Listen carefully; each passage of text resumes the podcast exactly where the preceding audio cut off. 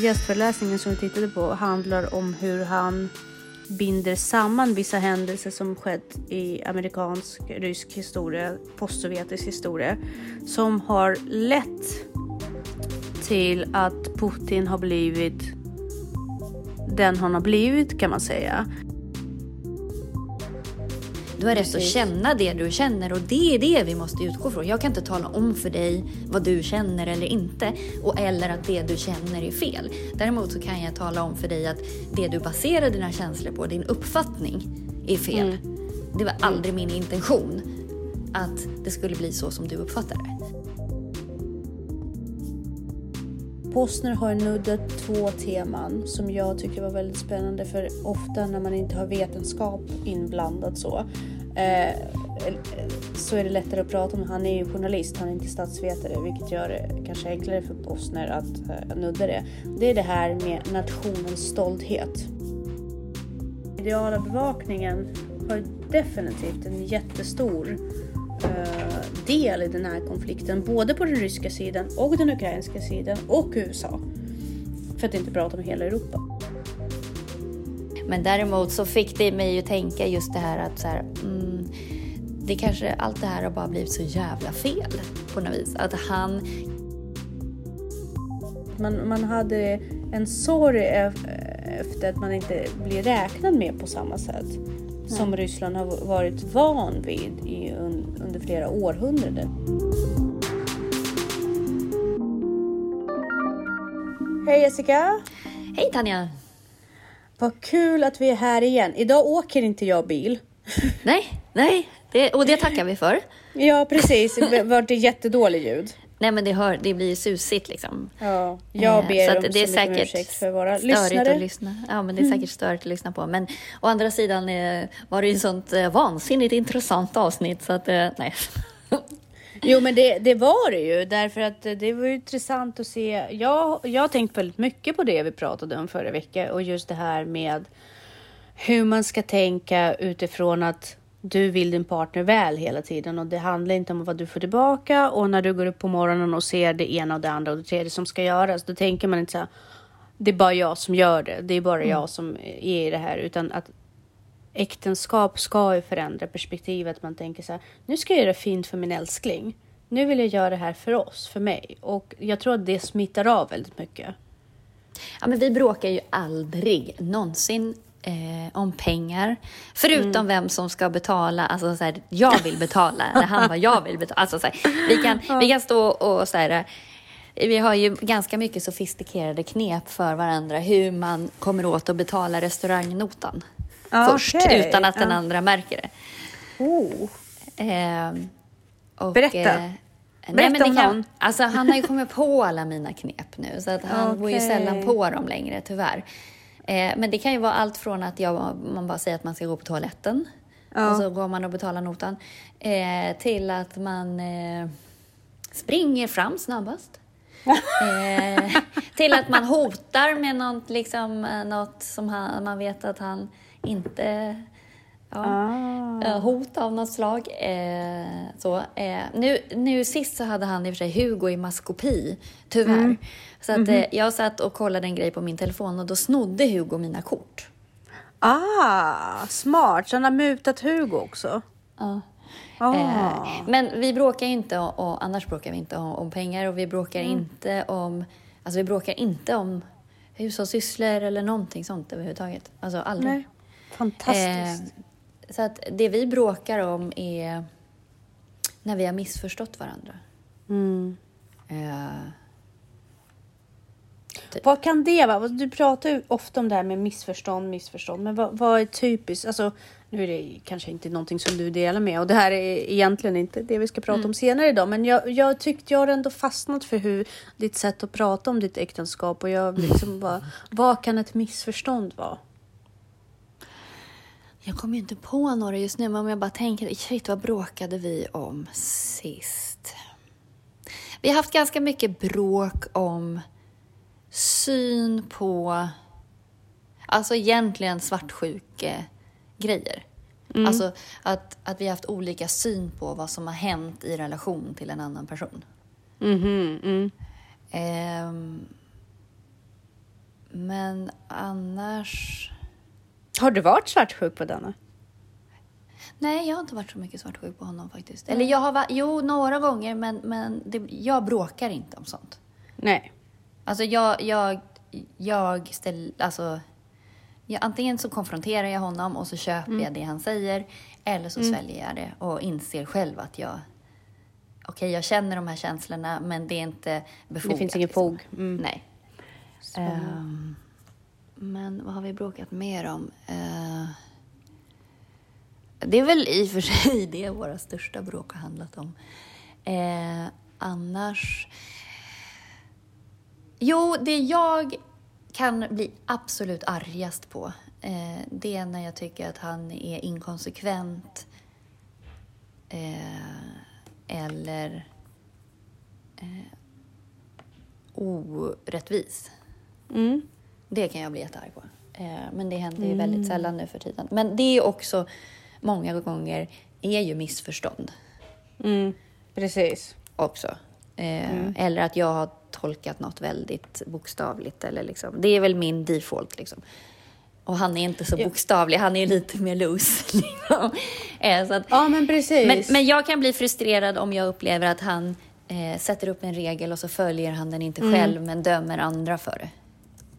Hur brukar han ta det? Nej, men då blir det bråk. Ja, då säger han att det är inte samma sak. Ja. Du måste Och- skola och- mig mer i det här. och att det inte är så som jag uppfattar det. Mm, mhm.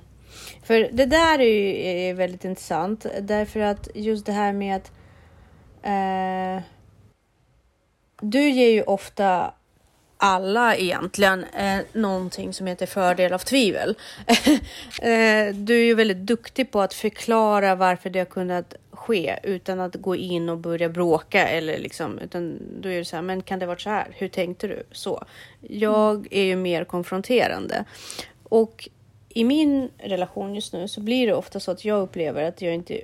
Alltså, den här barnsligheten kickar in och då brukar jag undra så här. Men va, jag blir inte rättvist behandlad för det här finns det en regel och så får min partner, min partner följer inte den regeln själv. Och sen så applicerar han det på en specifik situation. Och jag applicerar det på andra situationer och bara, men här är det ju samma sak. Och det är så här, nej det är det inte. Nej. Nej. det är det inte. Och på Nej. ett sätt så vill jag inte gå in och börja tjafsa om det. Det är liksom det är barnsligt. Men på ett annat sätt så finns det den här orättvisa, orättvisa känslan någonstans i mig. Mm. Liksom, rättvisepatos är så hög.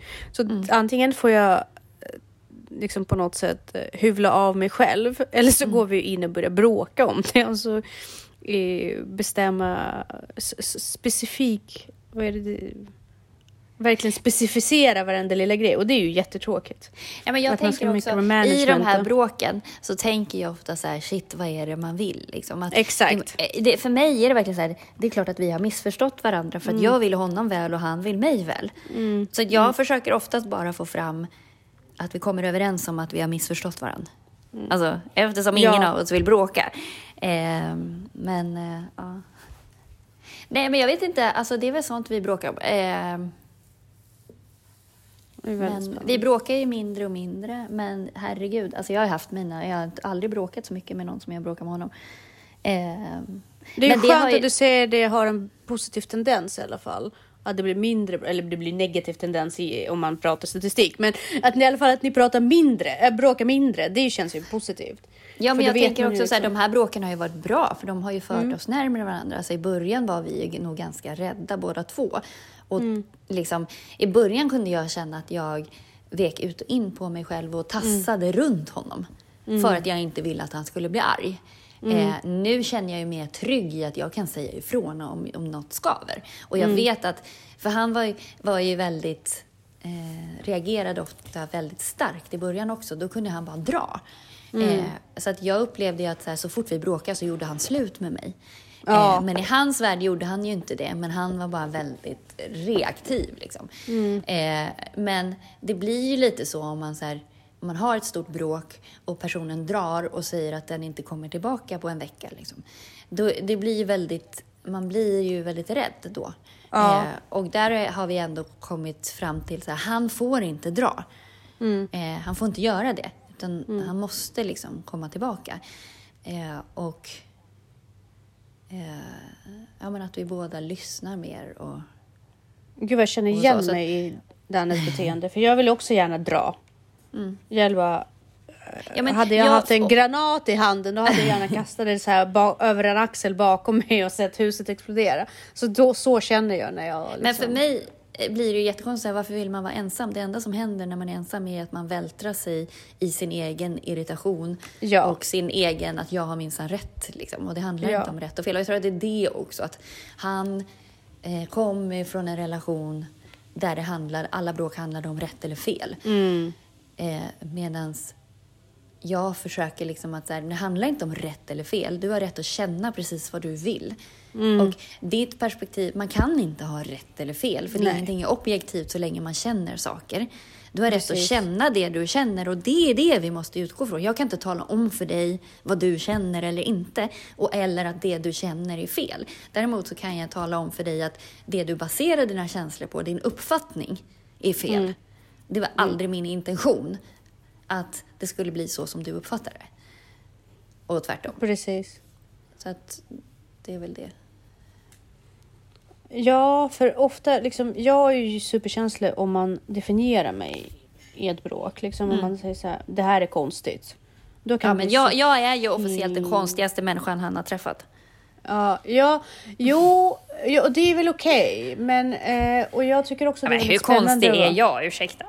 Inte Du, jätte va? jag tycker inte du är jätte... Men jag tycker inte att du är jättekonstig. Alltså, Nej, det beror på vad man jämför med. Om hans, Ja, om exakt. han, Det säger mer om man, honom än om mig. Exakt. Om man har haft en miljö som Mm. har varit väldigt vanilla. liksom, då, då, är det, då, då är både du och jag konstig. På tal Ja. om det. Så vet du vad RISE ehm, Purity Test är? Nej. Det är ett jätteroligt test om hur natig man är. Oj då. Eh, som Men är du- jättekänd. Ska vi ska- säga varmt Nej, nu välkomna? pratar vi bara rakt igenom. Eh, varmt välkomna till, Till Ansvarspodden. Ansvarspodden.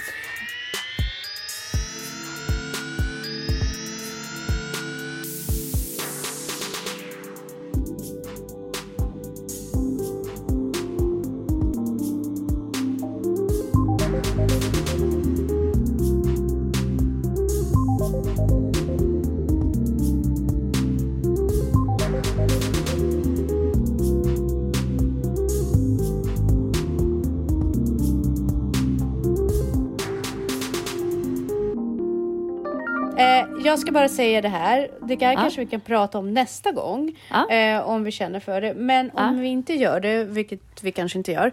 Så gör det här. Googla på det här och gör det. Det är så himla kul. Det heter, heter det? Rice, Rice Purity Test.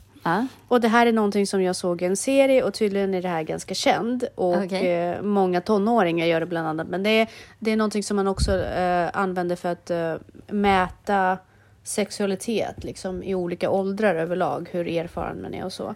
Och eh, ja, det är spännande resultat. Och jämför gärna med din partner. Just vad resultatet blir. Det, det kan också leda till en del roliga diskussioner. Nu bara, Ja. det vill jag inte göra. Men eh, är du kvar? ja, absolut. Ja. Så för våra lyssnare då, om ni vill göra någonting roligt med er partner eller inte. Eh, kolla in Rice Purity Test. Jätterolig grej.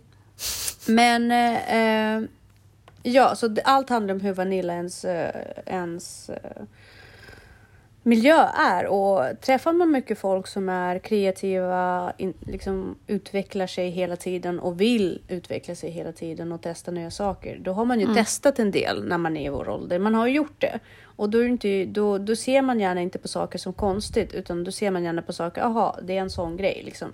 Man mer konstaterande. Man, man tänker inte i banor av normalt och onormalt.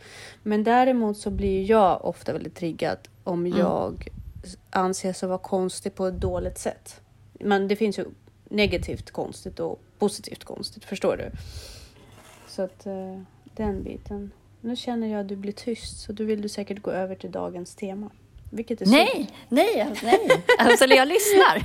Ja, jag vet, jag vet. Men jag tycker att vi gör det i alla fall, ja, så kanske absolut. vi kan återgå till det här konstiga och mer eh, normativa nästa podd, om vi nu väljer att prata om Rice Purity Test. Det kan vi faktiskt göra.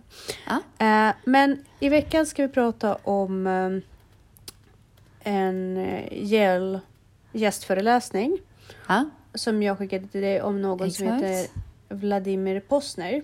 Ja. Och jag Posner är ju jättestor journalist i eh, rysk tv. Uh Han är superkänd. Han är eh, statsvetare, eller han är ju inte själv statsvetare, han är journalist, men han går ju ofta in och pratar statsvetare, med statsvetare och gärna politiska frågor och eh, verkligen följer både, mm. både utveckling och historia. Enormt påläst person, stor auktoritet i Ryssland som sagt, och han har ju varit en som uh, aldrig varit rädd för oppositionen. Eller Nej. för uh, regeringen. Han har ju alltid stått och försökt att häva, hävda sin objektivitet som journalist. Ja. Så att han har ju verkligen kunnat få på nosen från den ryska regeringen. Men han har alltid hållit sig kvar. Och mm. han sänds ju ofta intervju med honom av honom sänds mm. ofta på, eh, i första kanalen rysk tv, vilket är eh, då statligt eh, erkänd och underhålls av staten. Så att han är erkänd av den ryska statliga regeringen, liksom, eller stat, av den ryska staten. Och mm. fastän han ofta pratar emot vissa beslut också, så att han, jag tycker att han är en väldigt tapper man framför allt. Mm. Och han har ju bott i Moskva länge och även efter alla oroligheter Även innan kriget så har det varit väldigt mycket med journalistik i Ryssland som vi vet att journalister har försvunnit och man mm. har försökt tysta ner. Så har han ändå bott i Moskva och stannat kvar. Och jag tror att för honom är det en statement. Det är någonting som han har gjort med flit för att visa att han kommer inte släppa det här. Mm. Um, Postner har ju rysk-judisk familj och hans mor är fransyska så att han har även franskt påbrå. Men eh, och han, jag blev, I den intervjun som vi tittade på så pratade han ju engelska. Jag blev faktiskt förvånad hur perfekt engelska han har. Mm. Jag hade ingen aning om att hans engelska var så perfekt. Han bryter ju knappt. Nej, nej, men det får man väl nästan om han är så. Han är ju, alltså han var ju alltså, ryss-amerikansk-fransk. Mm. Ja, jo men han, han, har, ju, han har ju bott uh, i Ryssland i väldigt, väldigt många år. Så att jag är fortfarande så förvånad över att hans engelska är så pass, så pass stabil. Mm. Uh, ändå ganska cool. Han pratar flytande franska också, men nog om honom. Eh, det är en person som eh, jag är uppe, liksom, ja, uppväxt, med, ja, uppväxt med i rysk tv. Jag har följt, eller han, han har funnits med hela min uppväxt, så det var väldigt intressant för mig att se den här intervjun. Kan man, kan man förstå att jag är lite partisk? Ja, nej. Utifrån att jag pratar om honom. Men det är någon som jag kanske har fostrats till att respektera. Mm. Uh, och Intervjun, eh, eller ja, gästföreläsningen som vi tittade på, handlar om hur han binder samman vissa händelser som skett i amerikansk, rysk historia, postsovjetisk historia, som har lett till att Putin har blivit den han har blivit kan man säga. Mm. Nu rättfärdigar inte Postner de senaste händelserna därför den här intervjun är för fyra år sedan, eller gästföreläsningen. Eh, är fyra år gammal. Men jag tycker ändå att det var coolt hur han kunde ändå ana om att någonting kommer komma. Därför att jag tror inte att han, jag tror, han pratar ju själv om att det är väldigt viktigt att prata om de här sakerna just kanske för att han anade vad som komma skall och på sitt sätt försökte förhindra det.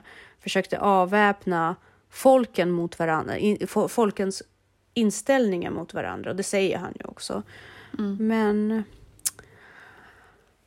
nu kan du väl kanske ge lite mer objektiv eh, bild av, av honom eller vad du kände efter den här föreläsningen.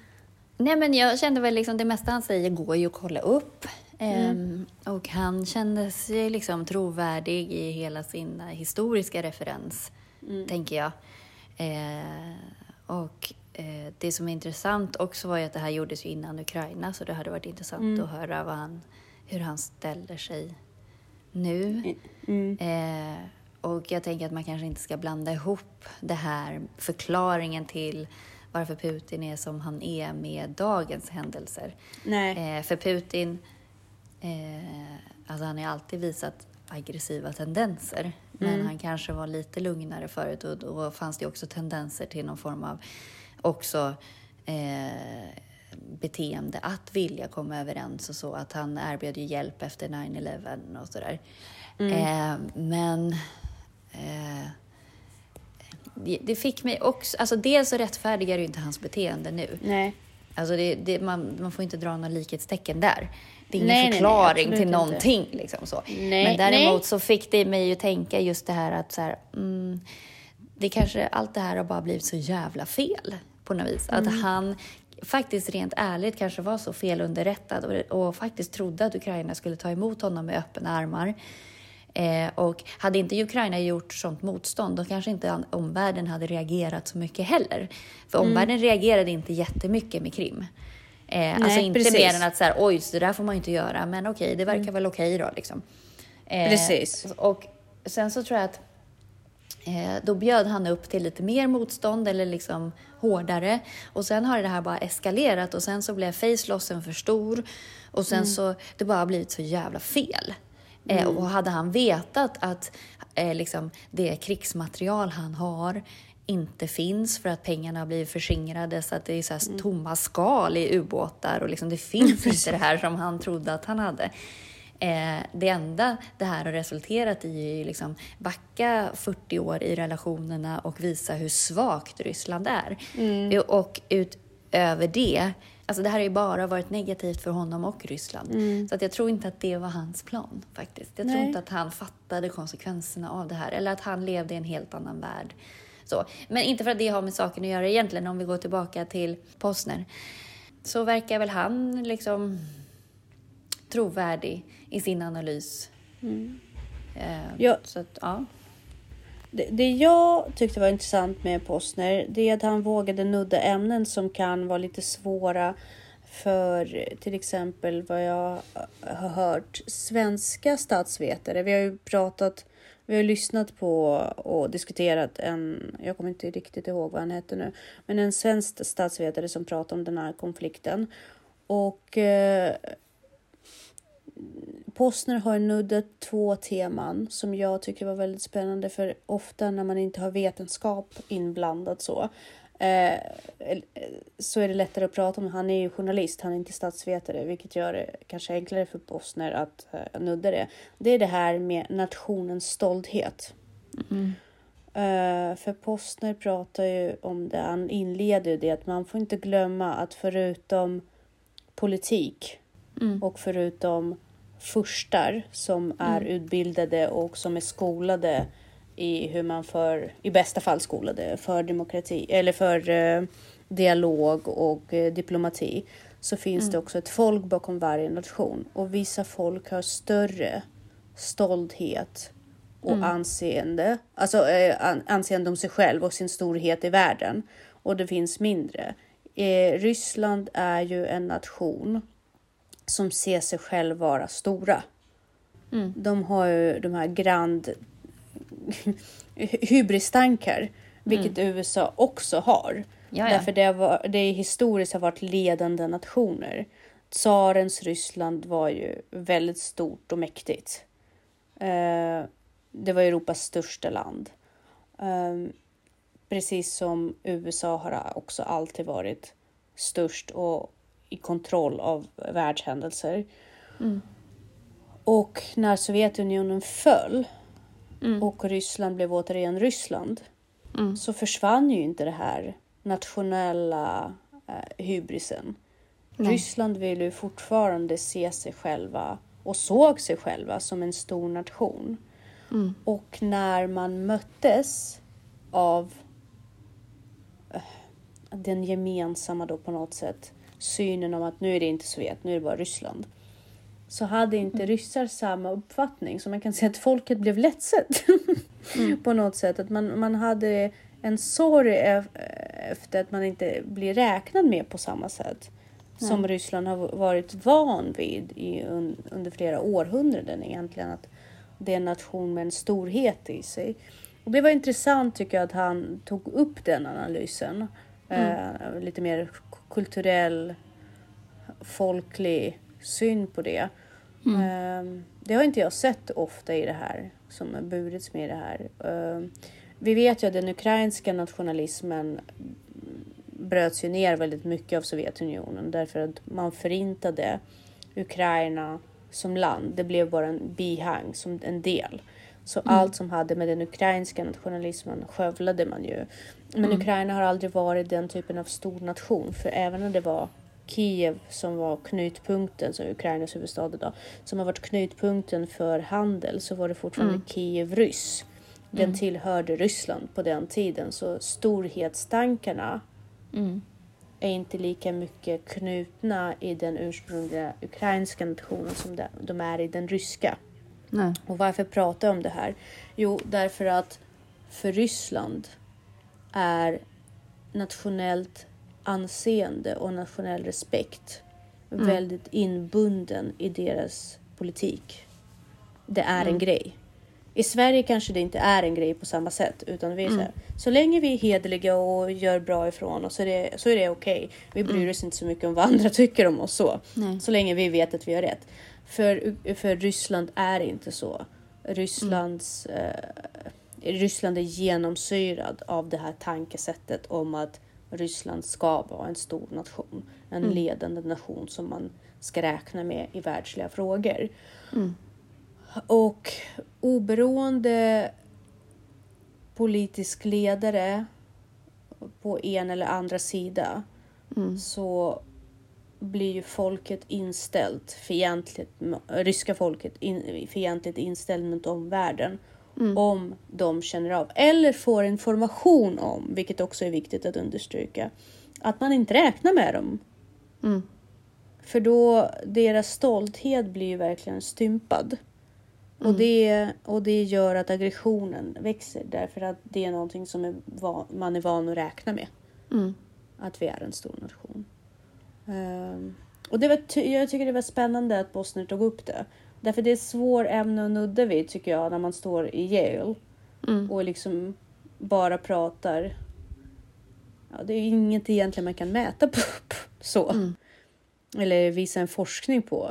Det tyckte jag var ganska häftigt. Mm. Um, sen så innebär ju det också att spela med det här stora anseendet mm. och hur man, hur man berättar för folket om vad andra tycker. Det ligger ju väldigt mycket på media och det var mm. egentligen det perspektivet som vi ville ta upp idag. Hur stort mm. ansvar media har i det här. Därför att vi har två länder så, vars befolkning vill se sig själva som stora och rättmäktiga och sådär.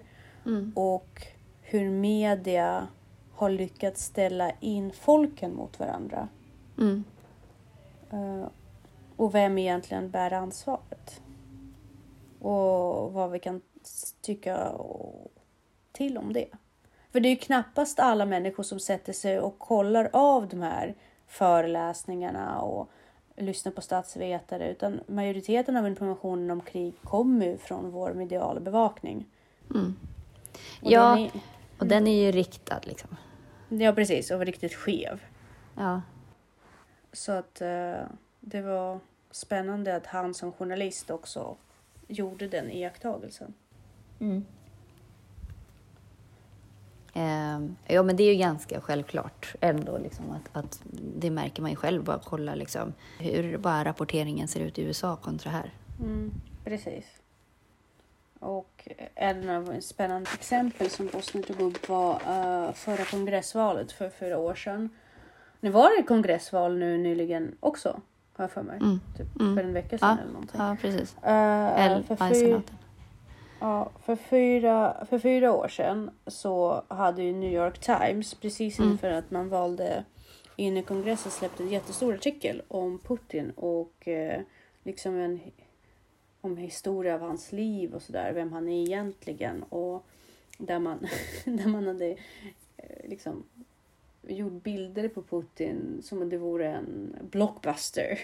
Mm. som man visade upp. Så här, lite spännande just för att man ville, ville rikta opinion mot en mer republikansk eh, kongress. För det är ofta republikaner som brukar rösta. Vad var det han sa? Republikaner brukar rösta pro-Putin tror jag. Eller pro mm.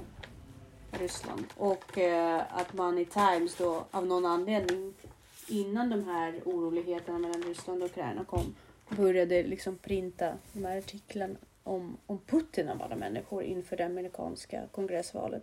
Och det, det var väldigt intressant, det var spännande. Det är kul också att, att se en analys av en person som är så pass flytande i båda mediala världar. Som har mm. så lätt att... Eh, som har så bra insyn i båda världar. Mm. Och som också har en kulturell bakgrund i båda världar. Så det tycker mm. jag också var väldigt intressant. För det är sällan man får det i medien idag tycker jag. Mm. Ja, och där finns det ju vissa nyhetskanaler som faktiskt är bättre på att ge en hyfsat objektiv eller objektivare bild. Men där är ju vikten av att kanske inte bara lyssna på samma, läsa samma mm. nyhets... Alltså inte bara ha samma nyhetskälla utan faktiskt ha flera. Mm. Det ökar ju mm. sannolikheten för att man liksom... Ja. Ja, men precis.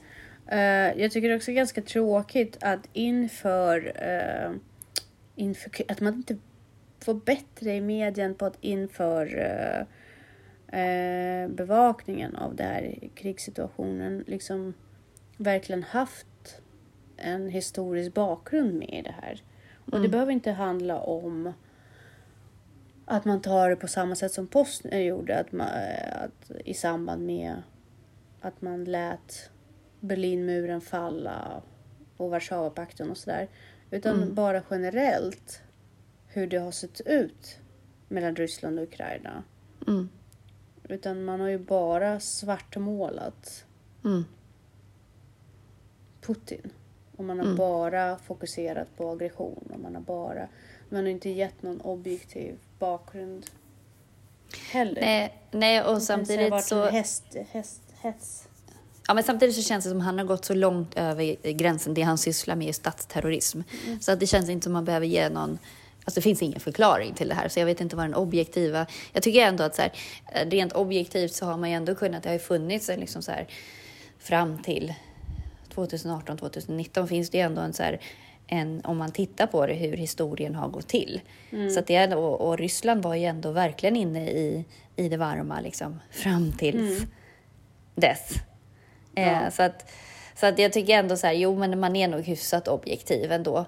Eh, men det är ju svårt att motivera hans övervåld som han håller på med nu. Ja, men om man, om man tänker så här, om man hade verkligen eh, varit inne mm. på att förstå varför och inte hetsa till att Mm. För jag upplever definitivt att USA har hetsat i många fall. Uh, hade man inte kunnat nå en mer diplomatisk grund? Liksom, har man verkligen försökt att prata om det? Jag vet ju att man har jo, in Putin alltså, i Det beror på var du... Och, var, var menar du att man skulle prata om det? Man alltså, har ju inte haft... Uh, Eh, jag tänker efter Krim. Ja. Så har det inte, och fram till de nya händelserna nu, nuvarande kriget. Jag tycker inte att man har på något sätt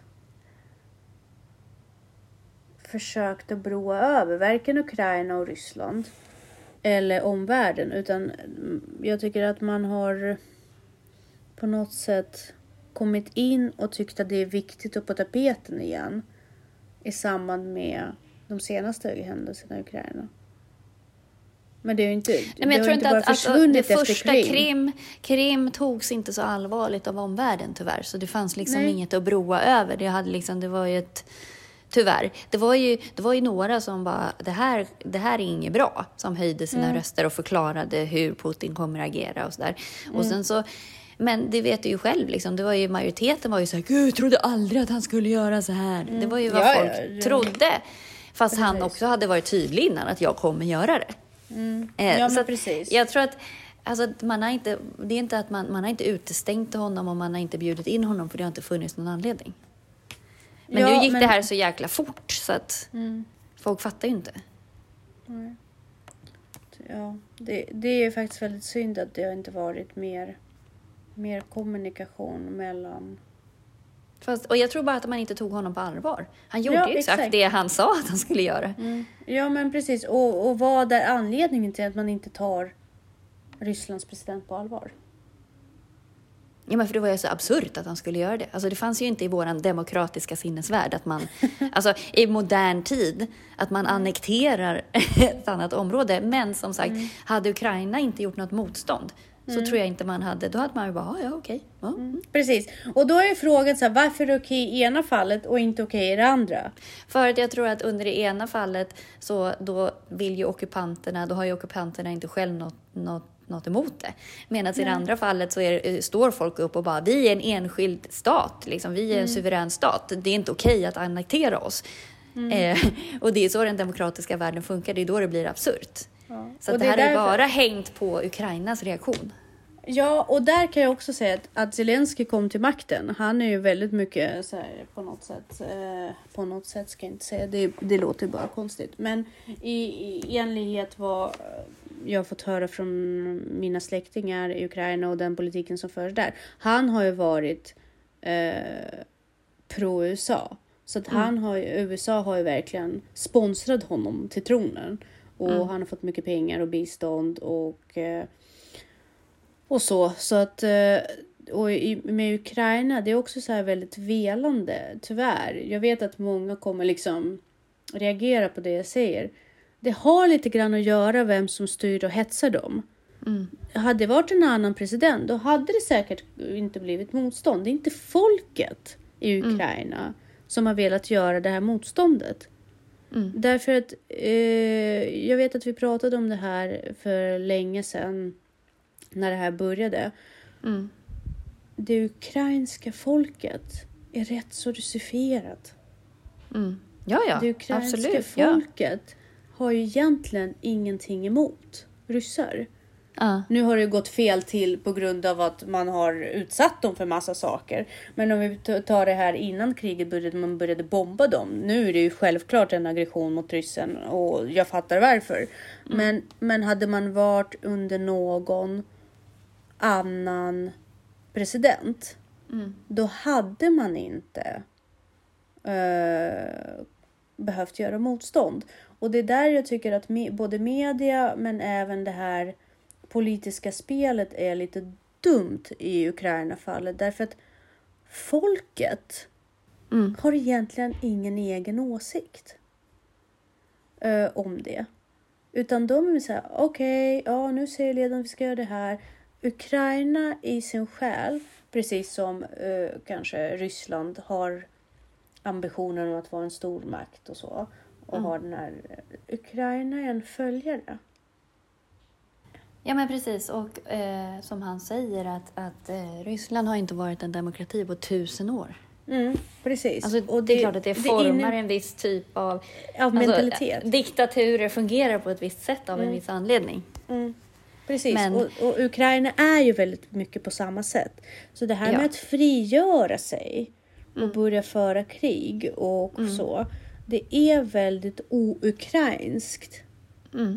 Om man baserar det på liksom det jag vet av Ukraina. Och mycket Mm. av mina släktingar och vänner har också varit så här, men varför ens kriga? Den nya generationen som bor där nu, som är väldigt påverkade av det här nynationalismen och sådär. Eh, de är ju så här, nej men det är klart vi ska vara självständiga, men de vet ju inte heller vad det innebär. De har ju aldrig bott i en Ukraina som har varit självständig på det sättet. Nej. Nej, men det är väldigt intressant. Absolut, det är det ju. Eh, men... Så att, eh, eh, och angående om huruvida Zelenskyj har blivit vald på demokratiskt sätt. I en, ett land där korruptionen är så pass hög som i Ukraina. Ukraina är ju en av Europas mest korrumperade länder. Det finns ju liksom data på Ja, ja. och, ja. och, och eh, huruvida det valet var demokratiskt och att Zelensky på riktigt skulle representera folkets, folkets vilja. Mm. Ja, det är oklart. Det är alltså oklart och därför tycker jag att den mediala bevakningen har definitivt en jättestor Mm. eh, del i den här konflikten. Både på den ryska sidan och den ukrainska sidan och USA. För att inte prata om hela Europa. Så att uh, där, där är, ja. Det väckte väldigt mycket tankar hos mig. eh, Just Absolut. den här kulturella bakgrunden och när, Postner började prata om Mm. Hur man är som nation. liksom hur ens mentalitet. Exakt. Mm. Och sen så är han ju, han, han är en duktig retoriker också. Ja, ja. Han säljer in väldigt mycket av sina åsikter som fakta. Han är väldigt skicklig. Ja, jag var ju tvungen att kolla upp så vad hans agenda är och vad hans lojalitet ligger och Ja. så där, för att liksom kunna fortsätta lyssna typ. Ja men precis, han är ju riktigt duktig retoriskt, det är han. Och sen så är han så här, men kolla upp det, det här är inte, det här är inte min åsikt, det här är bara ren fakta. Och så vidare. Och då blir man ju genast väldigt mycket så här, vänta, vänta. nu sa du precis att det här är din åsikt. Alltså det, han är ju väldigt skicklig, han surfar ju verkligen. Eh, ku- blandar kunskap med, med åsikt och sådär. Men det var ändå väldigt ja, Mm. Gud ja. intressant. Ja, verkligen. Så tack för den. Tack för den själv. Tack för idag. Tack själv. Och jag hoppas att det här väcker lite tankar hos våra lyssnare. Ja, verkligen. Och, men framför allt att kan bara Putin gå hem nu. Ja, det är definitivt. Definitivt. Fatta att de vill vara själva liksom. Släpp det. Exakt. Slä, släpp dem nu. Ja, nu. Nu vill de inte vara med och leka. Nej. får man se vad som händer sen. Du får bara dåligt rykte av det här. ja, exakt. Ja, men han har ju inget rykte kvar stackaren. Han är ju bara en, vad är det, en gammal psykopat. Ja, tack och hej. Tack och hej!